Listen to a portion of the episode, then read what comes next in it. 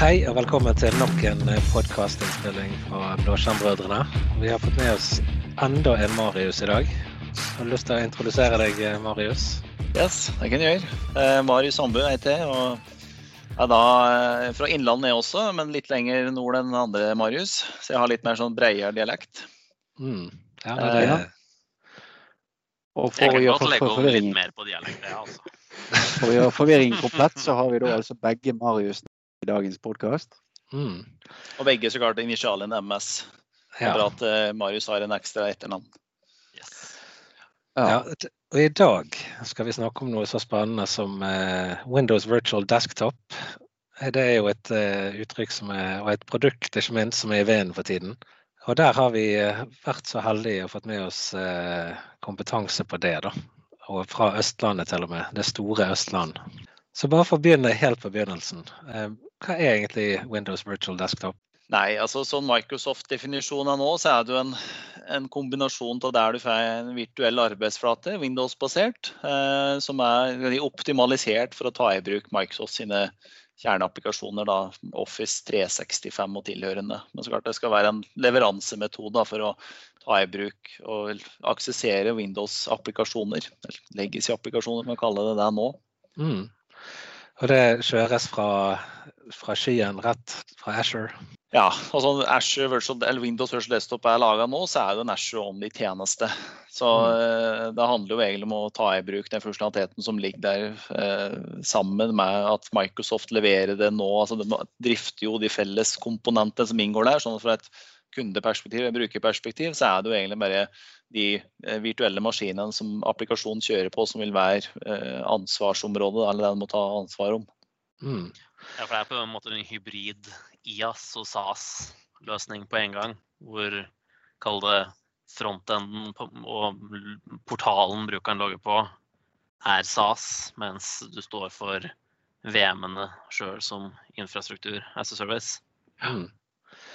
Så er det på en måte en god erstatning for disse produktene vi har hatt hele veien, som Citrix og Remote Desktop Services. Ja, det er jo litt interessant, for det har, vært en lang vei her, egentlig. For Hvis du ser tilbake til tre-fire år, så var det jo noe som kalles for Asher Remote App, som var den løsninga Microsoft hadde da. Og så gikk den så veldig bra som hadde håpet på. Eh, Microsoft tok kverken på den tjenesten, så sa de at greit, hvis du skal ha VDI levert fra Asher, så bruker du ikke tredjepartsleverandører sånn som Citrix eller VMware, som er liksom de største nå. Mm. Eh, og så begynte hun på et nytt utviklingsløp på gamle RDS, da, som da, som ble da kalt RDMI, Remote Desktop Modern Infrastructure. Der de egentlig så på greit, de eh, sentrale komponentene som er en RDS-løsning i dag. Det er sånn eh, webportal, connection broker og databasetjenester. Eh, og så tenkte ser Microsoft at greit, ingen som har lyst til å drifte de her. Det er sånn mjølk og brød-tjenester som en PAS-komponenter i stedet. Og så får eh, de som bruker det, fokusere på terminalserver i stedet. Mm. Så er det liksom i forhold til er det en fullgod alternativ for eh, Citrix og VM-er, sånn som vi ser det nå, så er absolutt det er jo et Altså for de fleste bruksområder så vil det være bra nok. Ja. For jeg hadde jo eh, en, noen oppsett av eh, Remote App i sin tid som plutselig forsvant egentlig nesten over natten. Og skulle bli erstattet av Citrix Essentials eller noe sånt. Men det var jo ikke klart. Så eh, vi hadde jo kunder som ble hengende litt sånn i limbo. At de hadde gått all in på Remote App, og så skulle de plutselig gå på Citrix. Så det ble jo for det første mye dyrere. Enormt mye. Jeg tror det var 25 dollar per bruker per måned eller noe sånt. Mm. I begynnelsen. Så det var jo et salig kaos der. Så nå når de har eh, gått inn eh, med Windows Virtual Desktop såpass hardt, så er jo det positivt for eh, de fleste, vil jeg tro. Men hva er det som jeg gjerne sitter igjen og lurer på, det er jo de som har eh, løsninger som har gått lenge. F.eks. på Citrix, og de har lyst til å gå til skyen. Og de på en måte ser det som en hindring. Kan da Windows Virtual Desktop være en måte å gå til skyen i hermetegn? Ja, jeg vil jo egentlig påstå det. Altså det som er litt, så Dagens fun fact da, er at hvis du ser på Norge som land, for eksempel, så er det landet som har mest Citrix-lisenser fordelt per innbygger. Så Det er jo veldig mange som har kjørt Citrix her i lang, lang tid og fortsatt bruker det. og det er så klart Eh, Det har jo vært et eh, enkelt eh, tjeneste for dem som bruker det i dag. Ikke sant? Å oppdatere, og Greit, kommer en ny applikasjon, så vil enkelt oppdatere til eh, nye versjon av applikasjonen via et Citrix eller VMware-miljø. Eh, og sagt, når de beveger seg ut mot Azure da, begynner å bruke Windows Virtual Desktop, så plutselig mister de litt funksjonalitet da, i forhold til det med å oppdatere applikasjoner på et image. Mm. eh, Som gjør at du må tenke litt annerledes. Så klart Microsoft eller Azure har jo masse funksjonalitet du kan bruke for å forenkle den prosessen. Men da kanskje du i stedet for å bruke sånn, sånn wizard i VMware Citrix for å oppdatere uh, imaget, så må vi plutselig nå bruke Azure DevOps eller Azure Image Builder som kanskje ingen har rørt før. Så Det, er liksom, det blir sånn bratt læringskurv da, for å plutselig begynne å ta i bruk de tjenestene der istedenfor. Men samtidig så er det jo eh, mange som har ja, tenker et eksempel. at du har eh, noen Windows-applikasjoner som aksesserer en gang om dagen eh, mellom, når du er på arbeid mellom 8 til 4. Så klart, da kan du dra nytte av det å kjøre det i Azure der du kan egentlig skal si, skru, av- skru av ressurser når du ikke bruker det når du er utenfor arbeidstid. Sånn at du Mm. har en har lavere kost. og så klart De fleste har jo òg eh, lisenser på plass som gjør dem også, eller gir dem også tilgang til Windows Virtual Desktop. Da. Så sånn totalt sett så er det jo en lavere kost, tror jeg. Ja. Hvilke lisenser er det vi trenger? Nei, altså I dag så er det jo eh, best, Office 365 Business Premium. Og så er det de E3 og E5-lisensene bl.a. Så er det en del andre eh, A-lisenser eller F-lisenser, Mm. husker ikke helt hvilken av dem. Akademiske lisenser også tror jeg gir tilgang til det. Mm. Eh, der du da både får tilgang til å kjøre eh, altså tilgang til eh, Windows Virtual Desktop-tjenesten. Og samtidig som du også får tilgang til Windows 10 multiuser, sånn at du kan også spare kost på den der Windows Server-lisensen. da. Som også er egentlig en, altså det er jo Windows Virtual Desktop, Hvis du sammenligner med Azure Remote App, så er det egentlig tre ting da, som er nytt. og det er For det første at du har Azure Resource Manager-funksjonalitet, sånn at det er lettere å automatisere enn det var før. Og så er det FS Logic som Microsoft kjøpte opp for å forenkle og si, optimalisere bruken til Office 365. Og så er det det med at eh, eh, Windows 10 multi-user. For å da eh, også redusere kosten da, på eh, terminalserverlisenser. Mm. Mm. Det som jeg tenker mange sikkert lurer på, er jo hva, hva gjør det med de, de applikasjonene de har uh, utenom Windows eh, Office-miljø eller Office 365? F.eks. De har egne gamle lob-applikasjoner eller et eller annet sånt. Er det noe sånn krav til hva som kan kjøres på en, eh, en sånn virtual desktop? Ja, nei, nå, nå driver oss jo en del andre eh, si kartlegginger for andre og ser liksom, er dette her supportert å kjøre. Spesielt på multi-user Windows 10 eller andre ting. Og så har jo Microsoft skrytt veldig av at kompabiliteten for eldre versjoner opp til Windows 10 er forholdsvis høy. Eh, så sånn sett så skal det ikke være noen store utfordringer men vi ser i noen sammenhenger at det er applikasjonsleverandører som setter seg litt på bakbeina. Der og spør kan vi kjøre en applikasjon på multi-use Windows 10, og så sier de nei, det har vi ikke testa, og det er ikke supportert. Men så er det Ja. noen som sier at nei, ja, dette fungerer helt fint. Det vil kanskje være litt sånn Mm. problemet man får med Citrix. der, da, sant? Ja, det er faktisk noen applikasjoner som sier at de er sertifiserte for å levere Citrix. Så da vil det så klart de har et veldig eh, skal si, eh, rigid testregime for å verifisere at applikasjonen faktisk fungerer. Ja, for det er jo fremdeles ansatt med et ganske ferskt produkt, dette her. Ja, det er jo det. Og det er jo, jeg ser jo at Microsoft pusher veldig aktivt nå i forhold til å få ut budskapet der ute. Altså, man har fått inn en del ja, man har egentlig fått inn en del veldig gode tekniske ressurser som har liksom vært veldig aktive i det jeg kaller end user community-miljøet fra før. da, For å være med å bygge det videre. Men det er jo eh, det er fortsatt en del ting å se på som de ikke leverer helt fullverdig ennå. En av de tingene er jo måten de håndterer si, kommunikasjon fra sluttbruker inn mot terminalserverløsninga i dag, blant annet. Mm. Som har fått litt Mm. sånn ja, Enkelt fortalt altså er jo at eh, sånn kommunikasjon fungerer, så går det fra brukerens maskin inn til de passtjenestene som Microsoft har, og tilbake til terminalserver. Men alt dette her går via en TCP-sesjon som eh, Microsoft kontrollerer. Og de fleste sånne terminalserverløsninger i dag bruker en kombinasjon av TCP og UDP for å få bedre flyt på skjerm og video. Eh, og så kom jo Microsoft med en ny komponent, en ny funksjonalitet som heter ShortPath som for en ukes tid siden. For å da bruke UDP som trafikkprotokollen mellom bruker og terminalserveren. Men da krever det f.eks. at enten du publiserer terminalserveren direkte ut mot internett med offentlig IP, jeg vil helst ikke gjøre, eller at kommunikasjonen går via en form for VPN, Express Route eller Site-to-Site VPN. Ja, for det er på en måte en, en, ting som jeg føler at mange er veldig opptatt av, det er jo sikkerhet. Og du vil jo gjerne ikke ha disse tingene publisert direkte ut. Så hvordan er det vanlig at folk når eh, maskinene sine? Nei, Det er jo enten bruke den eh, klienten som Microsoft lager. De har en mm. egen klient som kan brukes på PC, Mac og eh, mobilenheter, eller så er bruke webportalen. Og ja. si, I forkant av den så er det jo da Azure Active Directory som egentlig er hovedpunktet for hvem som skal få tilgang. Da. Gjerne i kombinasjon med conditional access og sånne ting. Ja. Sånne ting som andre Marius brenner veldig mye for. Det er helt riktig. Men sånn, så for å komme i gang, da. Um, hvor begynner den? Ja, Det er en del eh, prerequisites da, som må være på plass for å bruke det. Først og fremst er jo at Windows Virtual Desktop krever at du har et eh, Active Directory i skya. Enten i skya eller tilgjengelig, i hvert fall, for et eh, hybrid nettverkperspektiv. Eh, og du må ha brukeren synkronisert ut til Asher Active Directory, som også de fleste har. Um, og, så, eh, og, da vil det egentlig være å sette opp de eh, Windows Virtual Desktop-komponentene. Eh, sette opp terminalservere som da er meldt inn i domenet, og kjøre på, egentlig. Mm, støtter det Azure Radio Domain Services i dag? Det støtter Ashore Radio Domain Services i dag. Den store kalle ankepunktet er single sign-on, egentlig. Mm, For at mm. det som Microsoft har egentlig uttalt nå, det eneste supporterte single sign-on-mekanismen er hvis du bruker ADFS. Ja.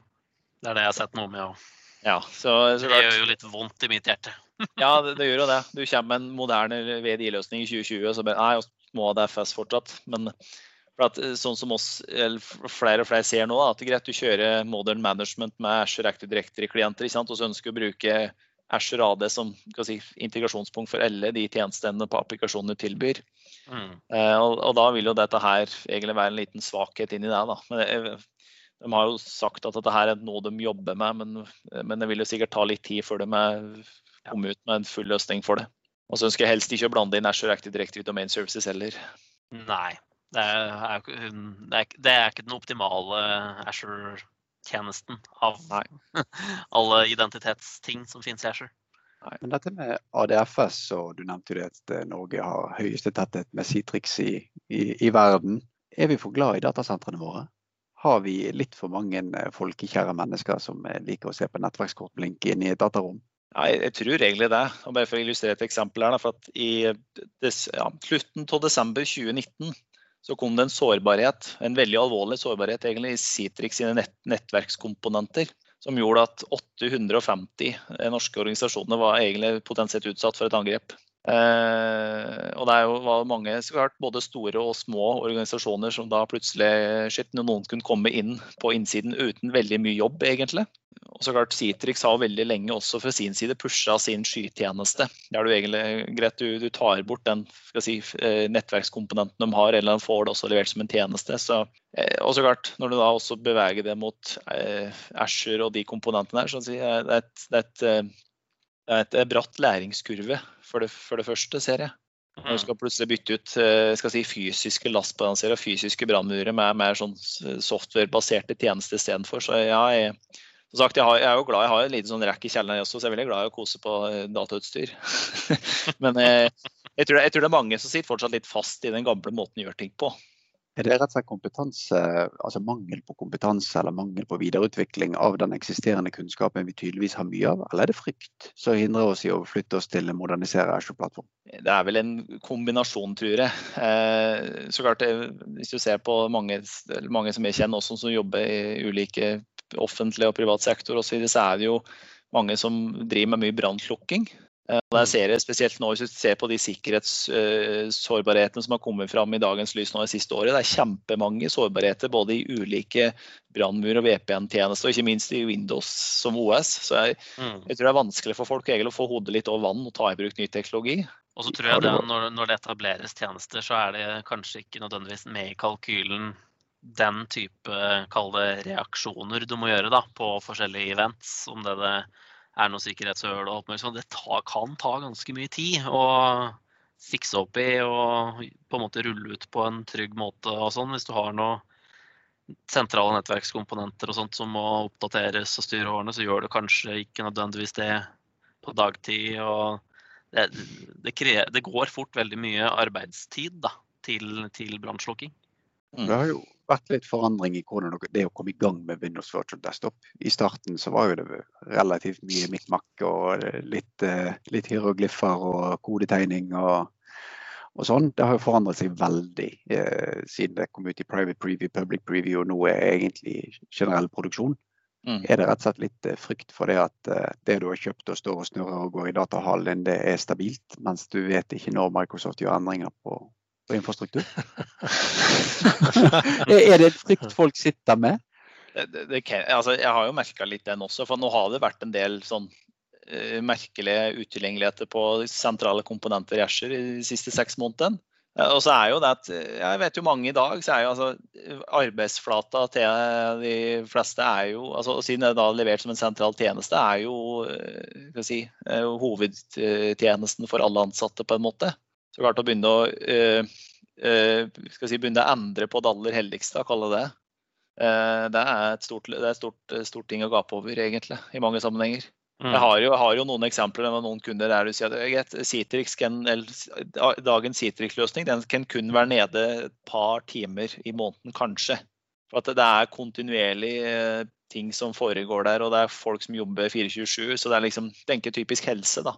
Mm. Eh, der du har eh, eh, doktor og sykepleiere som går, logger ut og inn kontinuerlig. Så ja, så klart, det er å plutselig begynne å forandre på alt dette her og levere fra en sky stort løft.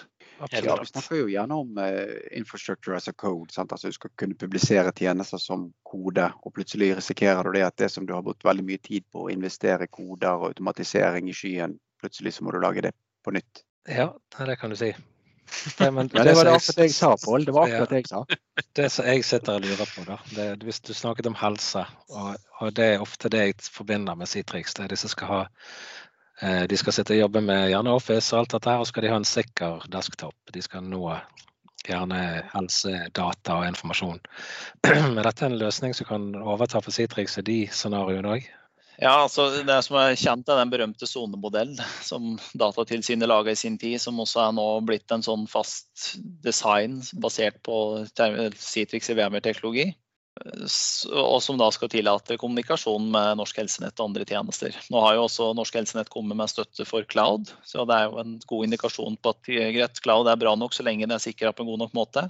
Og så er det samtidig at altså, den tradisjonelle måten å levere publiserte applikasjoner på er veldig sånn der, greit. Du har tofaktor på enden, og så er det veldig spesifikke brannmurregler. Men liksom, hva brukeren gjør inne i sesjon, det er ikke noe Det er ingen som sjekker det.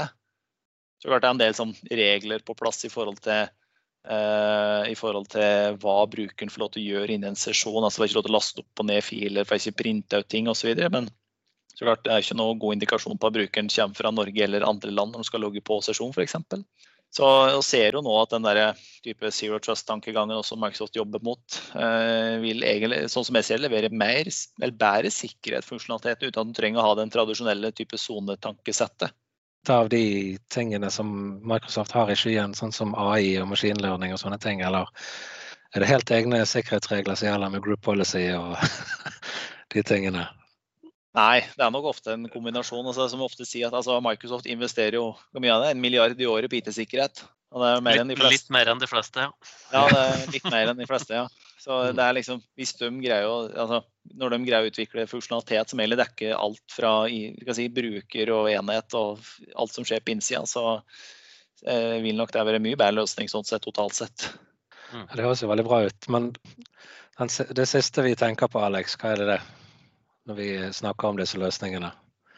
Er det dyrt? Nei, vi, altså, vi, vi bytter jo tross alt ut en faks, da. Er ikke det vi har operert med i det siste? Ja, det, det som du sa, du, du snakket om Office-lisenssystemet. Det må jo være en eh, slags uh, løsning for uh, Windows 10 òg, vil jeg tro. At det koster vel noe, det òg. Eller er det på en måte inkludert en multibrukerlisens i ja, den multi-useren er jo, den får du jo tilgjengelig egentlig så lenge du bruker, har riktige lisenser fra før av, som er delt av si, Windows Virtual Desktop Entitlementen, kaller jeg det. Mm. Men så klart det som er litt vanskelig, tror jeg, tenker, er jo liksom, det er jo mange sånne variable kostnader som dukker opp. da. Altså, Ja, du har eh, infrastrukturen som koster det så og så mye per time en kjører. Det er altså da CPU, minne og OS-lisenser. Og så er det andre ting som dukker opp. Eh, du må kanskje, ha, kanskje du skal ha en brannmur i Asher. Greit, da bruker den innbyggerfunksjonaliteten der som har en timepris. Og så har du båndbredde. Eh, og så har du ulike variable ting knytta til lagring, som kanskje fra før av har en forholdsvis kanskje fast pris. Men det er kanskje ikke så lett å måle i eget datasenter, men det er i hvert fall de variable tingen. Da. Men hvis du skal levere en sånn type virtuell arbeidsflate i Asher, så om det er Microsoft eller tredjepartsleverandører, så er det så klart Microsoft sin mye mer gunstig slik sett, da, men det er jo fortsatt de variable eh, kostnadene som man må tenke litt på. Mm. Men, men sånn apropos altså er det hva, hva gjør folk? Er det, er det å presentere ut hele desktoper, eller er det type apper? Altså liksom jeg ønsker å levere én spesifikk eller to spesifikke applikasjoner, og det oppleves liksom native på, på PC-en din. Ja, Det er jo veldig varierende, egentlig. Jeg har vært borti noen sammenhenger der at du må publisere desktop, ellers så vet ikke brukeren hvilken applikasjon som er lokal og hva som leveres fra VDI-løsninga. Mm. Eh, og så liksom alt må foregå inn i sesjonen der. Eh, og så klart Hvis du da for har brukere som sitter på tyngdklienter som egentlig bare har en operasjon, og det er å koble opp mot en VDI-sesjon og jobbe inni der, men så klart å ser oss nå at det blir mer kombinasjon til begge deler. egentlig, At du har et hovedsakelig publiserte applikasjoner. De kjører da, eller altså de oppfører seg som å kjøre lokalt. Og så er det da eh, andre tjenester som publiseres, der, som webapplikasjoner osv. Mm. Altså, jeg ser jo på det som en veldig god måte å på en måte kunne presentere ut noe, kall det gamle applikasjoner, eh, inn i kanskje en mer moderne tankegang på klientsida og, og, sånt. Da. At det er en veld, veldig god metode for å starte en ordentlig skytransformasjon, spesielt på endepunktsida di. Mm. En veldig fin bro fra Citrix til Sky? Ja, rett og slett. Ja. Mm. Og gjerne også der man ikke har Citrix eller en terminalservertjeneste i dag, der man er avhengig av on-prem-infrastruktur, eller man distribuerer enkeltapplikasjoner som må kjøre i spesifikke miljøer, lukkede miljøer, så kan man plutselig løfte disse få applikasjonene til sky.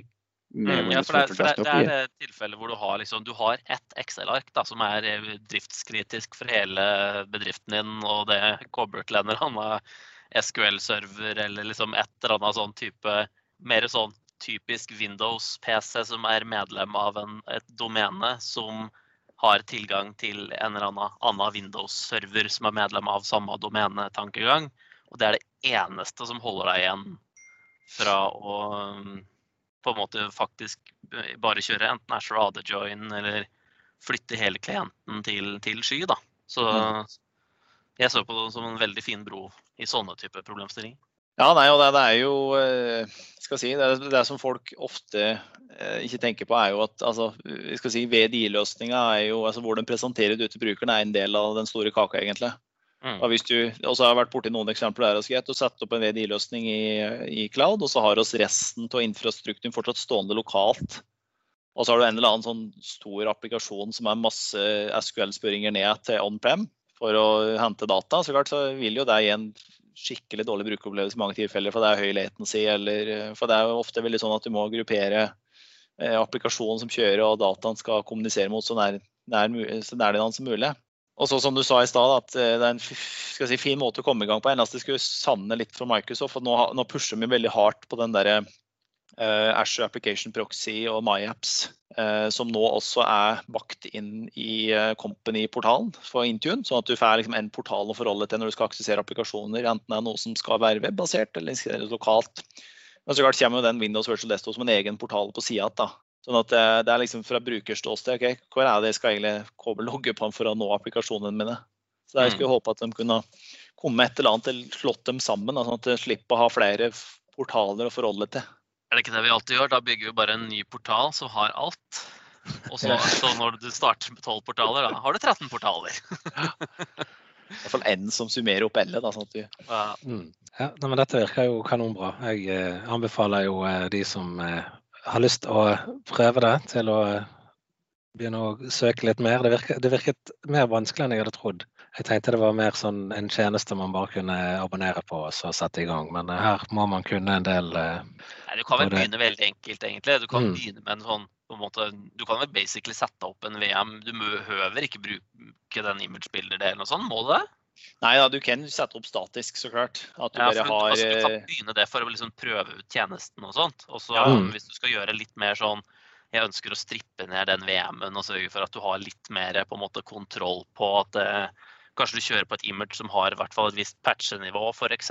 Og litt sånt snacks, da. Så Ja. da er det på en måte litt mer styr. Men eh, i gang på en måte for å teste ut tjenesten og, eh, uten at det egentlig koster deg nesten noe som helst.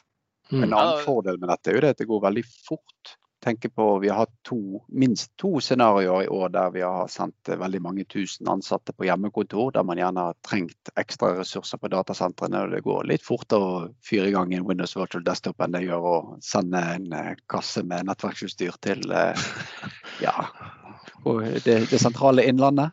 Mm. Ja, det er et godt poeng. Veldig godt poeng, faktisk. Og så var det liksom du sa i stad, Alexander, altså den forrige Windows Virtual Desktop previewen, altså før det kom støtte nå i vår med ARM, da så var det liksom derre her er instruksen du skal gjøre. Men nå er det liksom der, greit, du, har, du kan i utgangspunktet gjøre det i portalen på fem minutter. Og så er du bare sette opp en terminalservice opp og kjøre med en vanlig Windows-server.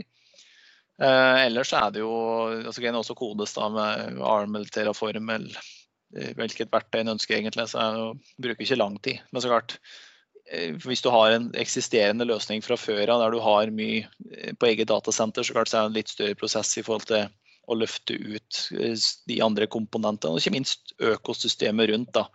Sånne banale ting som print, f.eks. Ja. Mm. Ja, vi er tilbake til den faksen vi snakket om. Ja, Yes. ja. ja, det er alltid den fordømte printeren som skaper Ja, det, er, det er print og fil. Det er liksom, ja, det er fint med inn og Desktop, men hvordan skal jeg nå den profilen den fellesområdet har på innsida? Ja, det er ting som går igjen. Men du vet, sprinter er ikke noe vi er glad i her.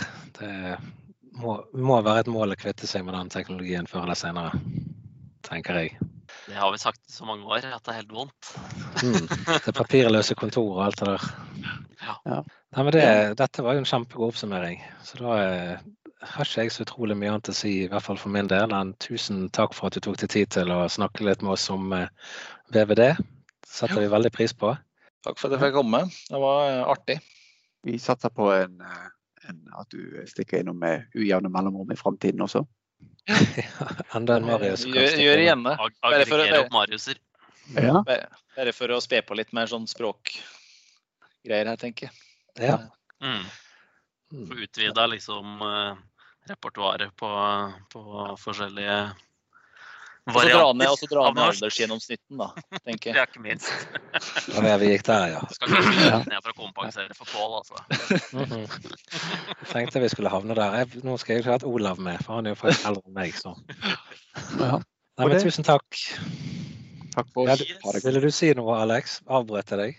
Nei, vet du hva, jeg har ingenting å føye til. Jeg er bare veldig glad for at ikke noen klarte å henge meg ut i alderstrinnet. Ja. Er du et spedbarn? Spedbarn. Yes, nei, men ha det bra, folkens. Jeg håper dere eh, hører på oss og forteller alle dere kjenner om hvor gøy det er å høre på oss, så vi kan eh, spre det glade budskap. Så snakkes vi neste gang. Ha det bra. Ha det bra. Hei da.